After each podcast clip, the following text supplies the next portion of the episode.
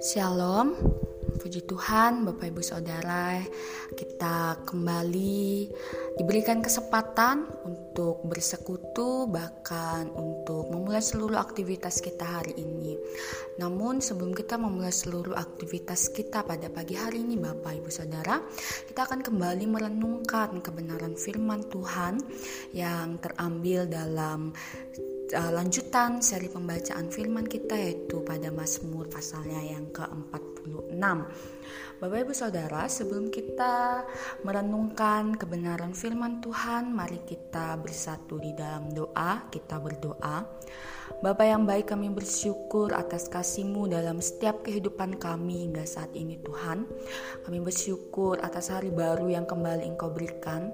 Pada saat ini kami akan mendengarkan dan merenungkan sebagian dari firman-Mu. Tuhan mampukan kami untuk memahaminya dan biarlah firman-Mu boleh menjadi kekuatan dalam hidup kami dan menjadi rema dalam hidup kami. Di dalam nama Yesus kami berdoa. Haleluya. Amin. Bapak Ibu Saudara, pada hari ini kita tiba dalam pembacaan kitab kita yaitu dalam Mazmur pasalnya yang ke-46. Mari kita sama-sama membuka dan membaca bersama-sama dalam Mazmur pasalnya yang ke-46 ayat yang pertama sampai dengan ayat yang ke-11 dengan judul perikop Allah kota benteng kita. Untuk pemimpin biduan dari Bani Korah dengan lagu Alamot nyanyian. Allah itu bagi kita tempat perlindungan dan kekuatan. Sebagai penolong dalam kesesakan sangat terbukti. Sebab itu kita tidak akan takut sekalipun bumi berubah, sekalipun gunung-gunung goncang di dalam laut, sekalipun ribut dan berbuih airnya, sekalipun gunung-gunung goyang oleh geloranya. Kota Allah, kediaman yang maha tinggi disukakan oleh aliran-aliran sebuah sungai. Allah ada di dalamnya, kota itu tidak akan goncang, Allah akan menolongnya menjelang pagi. Bangsa-bangsa ribut, kerajaan-kerajaan goncang, yang memperdengarkan suaranya dan bumi pun hancur. Tuhan semesta alam menyertai kita. Kota benteng kita ialah Allah Yakub.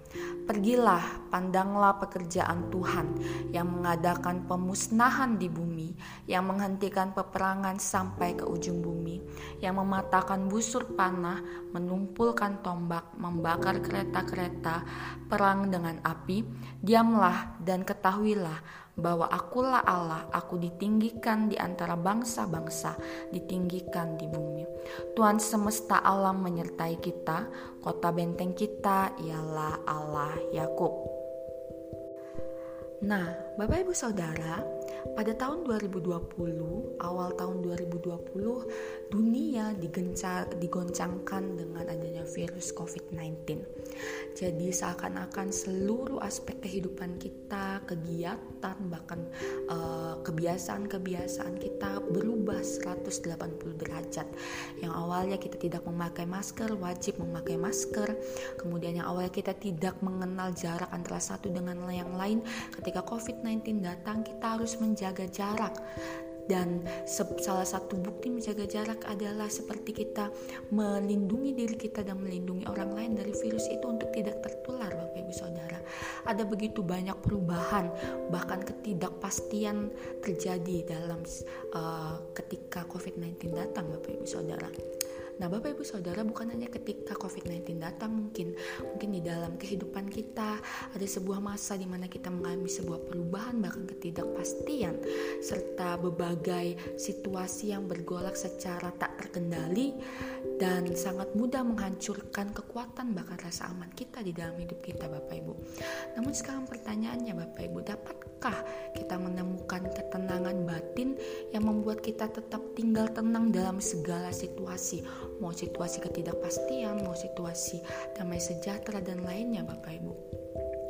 Kita pada hari ini belajar pada Mazmur pasal yang ke-46 ini di mana pemazmur mencatat bahwa Tuhan menghimbau kita untuk tetap diam dengan tentram dalam ayatnya yang ke-11 dikatakan bahwa sekalipun bumi berubah dan mengalami kehancuran, sekalipun gunung-gunung bergoncang dan bergoyang di dalam laut, sehingga gelombang airnya bergelora, ribut dan berbuih, pada ayat 11 ini menekankan bahwa ia mengajak Tuhan mengajak kita, Allah mengajak kita untuk tetap menikmati suasana yang damai Sekalipun mungkin bangsa-bangsa ribut dan kerajaan-kerajaan bergoncang, bukankah ini merupakan sebuah ajakan yang nampaknya seperti terlihat mustahil dan berlebihan ya Bapak Ibu dalam situasi yang mungkin sangat uh, di tengah badai seperti itu tapi Allah menyuruh kita untuk damai dan merasa tentram.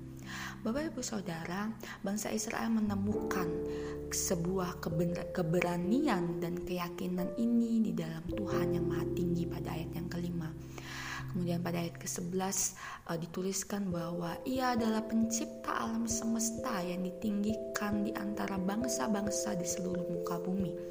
Kemudian ayat 2 dikatakan bahwa Allah adalah tempat perlindungan, kekuatan dan penolong yang sangat terbukti Allah ada bersama-sama dengan mereka dan akan melindungi Yerusalem. Allah berkuasa atas alam semesta, nasib bangsa-bangsa dan sejarah umat manusia. Allah dapat diandalkan bukan hanya pada waktu dan tempat tertentu.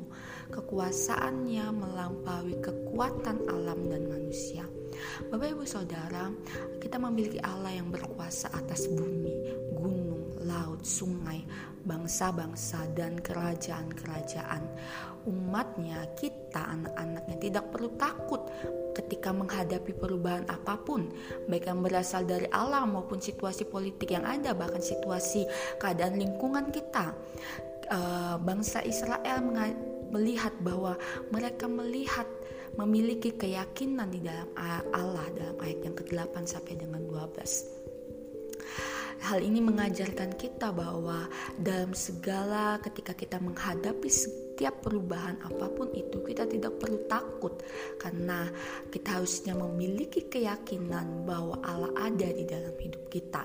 Allah sang pencipta alam semesta yang mengendalikan alam dan segala sesuatu yang terjadi di dalamnya. Ada dan tinggal bersama-sama dengan kita. Allah ada dan tinggal bersama-sama dengan kita. Dan karena itu kita tidak perlu takut Bapak Ibu untuk menghadapi berbagai perubahan dan ketidakpastian ketika hal itu terjadi dalam hidup kita.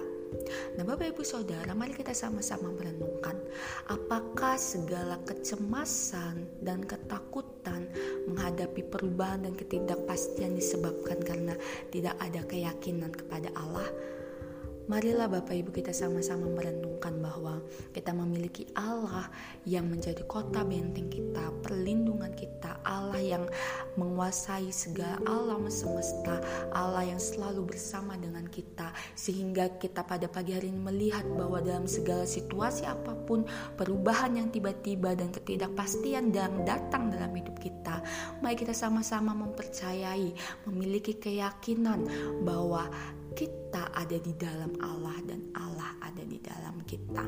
Amin Bapak Ibu Saudara. Demikian firman renungan firman Tuhan yang dapat kita dengarkan pada pagi hari ini. Kiranya Tuhan memberkati kita. Tuhan Yesus memberkati.